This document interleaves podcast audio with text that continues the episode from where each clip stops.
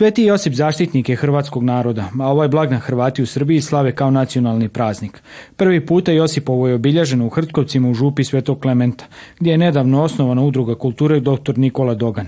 Dobro je da, da se Hrvatsko nacionalno vijeće posle evo, osam godina ponovo okupilo u Hrtkovcima. Ja se sjećam, dakle, prije osam godina kada je bila prva sjednica nacionalnog vijeća tadašnjeg u Hrtkovcima održana. Evo, osam godina posle toga negde mi smo osnovali udrugu tako da evo prvi put se sad ponovo, ovaj puta naravno slavi e, e, e, praznik hrvatskog naroda, ali ujedno su jeli i nekakav vrh hrvatske zajednice ovdje. Pa, apsolutno, mnogo, mnogo važno. Stano, ništa i nije ovaj, toliko još što kaže narod svesno. jedna velika stvar se ovaj, odigrava i desila se, Svetkovina je jako draga i, velika. stanovništvo vapilo za ovim godinama od tih 90 godina do sad e, dobro je što možemo preko te udruge koje smo i osnovali dr. Nikola Dogan. Zato što nama to upravo taj poticaj i potreban za početak rada našeg društva jer naravno na ovim prostorima je veoma teško očuvati kulturnu baštitu, baštinu pogotovo zbog tih događaja iz prošlosti. Tako da svaki, svaka posjeta nek, e, većih uzvanika ili što više gostiju naravno za nas je veliki poticaj. Događaj je započeo misnim slavljem koje je predvodio sremski biskup koadjutor Fabijan Svalina. Misi su nazočili predstavnici Zavoda za kulturu vojvođanskih Hrvata, Hrvatskog nacionalnog vijeća, tjednika Hrvatska riječ, diplomacije i udruga kulture. Zahvaljujem svim inicijatorima koji su ovaj, predložili da se to dogodi upravo ovdje i željeli smo da upravo ovo okupljanje i molitva Svetome Josipu bude i svojevrsni znak podrške lokalnom stanovništvu ponajviše Hrvatskoj zajednici koja je ovdje osjetila breme eh, teškoga rata, nedavnoga rata i željeli smo na neki način E, poslati poruku ohrabrenja, osnaživanja. Hrtkovci su nam zapravo jako važni jer to je puk koji je zapravo podnio najveći teret naše zajednice što mi nikada ne možemo zaboraviti, ali evo drago nam je da su smogli snage za jedan novi početak i da se pojavila neke nova energija, da se osnovala nova udruga i da zapravo krećemo sada u neke drugačije i nove aktivnosti. I ono što sam danas isto poručila i Hrtkovčanima i novoj udruzi jeste da i slijede put Svetog Josipa, da budu samozatajni, da rade za dobro, da slijede put i doktora Dogana koji je zapravo pomagao potrebitima. Dolazimo i obilježavaju naše praznike u svakom mjestu gdje postoji lokalna hrvatska zajednica. Radujem se što smo danas u Hrtkovcima. Znamo da su u Hrtkovcima e, bili zločini 90. godina, znamo da je jedan broj Hrvata značajan protiran s ovog područja, ali oni koji su ostali ovdje imaju pravo na svoju perspektivu. Ono što je istaknuto na proslavi u Hrtkovcima je da još postoji puno rana koje ljudi sa ovih prostora nose, ali da su ovakva okupljanja jedan korak prema izlječenju od svega onoga što se dogodilo. Gledate paletu. Izbor iz emisija na jezicima nacionalnih zajednica.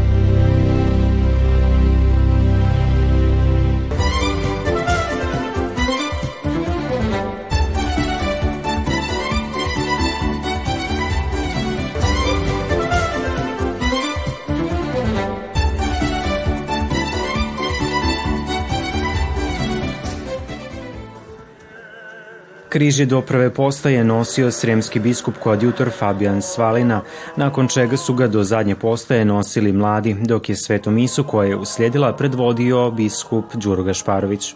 Ovaj križni put, peti križni put mladih iz sremske biskupije pod Veslom, Žrtva Bogu duh je sad uzeti iz psalma 51. Ona je okupio da radosna srca i duha u poniznosti prizivamo put muke i žrtve Isusa Krista koji je prošao od križa Velika Peta pa sve do išao prema uskrsnuću. Iako je ovo tek peti po redu križni put za mlade na tekijama, broj okupljenih vjernika iz godine u godinu se povećava.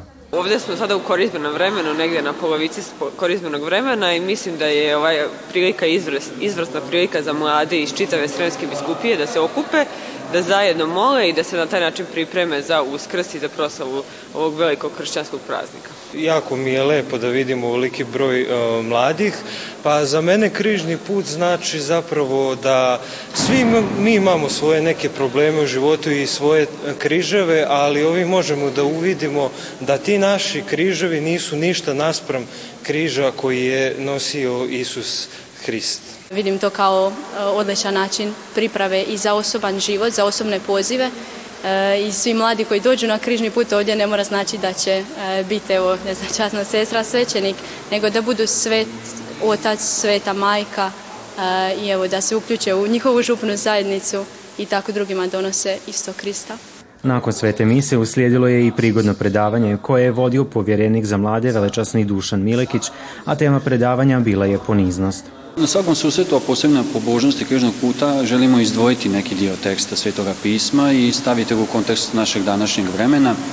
I ove godine sam htio da s mladima promišljamo puniznosti, odnosno jednoj doista lijepoj osobini i kršćanskoj osobini, poniznosti, da li ona ima ikakvu korist za nas. O poniznosti danas se jako malo govori, možda se smatra nepotrebnom, pa bi u duhu naše vjere htio sa mladima malo o tome popričati. Organizator ovogodišnjeg križnog puta bio je Ured za pastoral mladih sremske biskupije, a pored mladih iz Šida, Čerevića, Beočina, Sremske Mitrovice, Hrtkovaca i drugih sremskih župa, susretu su nazočili i gosti iz Đakova.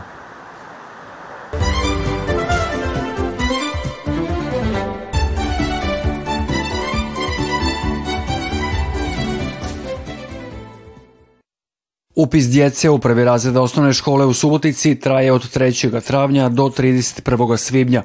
U susret tome važnom razdoblju za očuvanje nastave na hrvatskom jeziku, Hrvatsko nacionalno vijeće je pokrenulo kampanju pod nazivom Složite kockice u odgoju vaše djece. Evo sada je i vrhunac e, ove kampanje koju ove godine predvodi udruga Naša djeca. A ona i prethodnih godina uz Hrvatsko nacionalno vijeće imala brojne aktivnosti okupisa.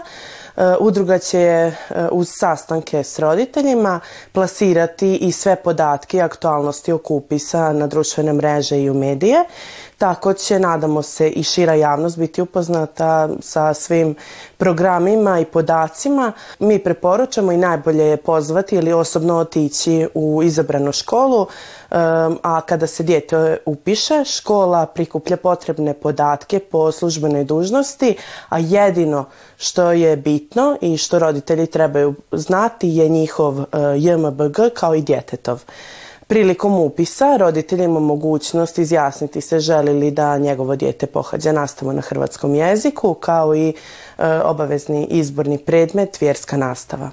I evo sve prvaše i ove godine dočekat će sjajne učiteljice koje su dio sustava obrazovanja na hrvatskom jeziku i koje su i jezično i predmetno stručne.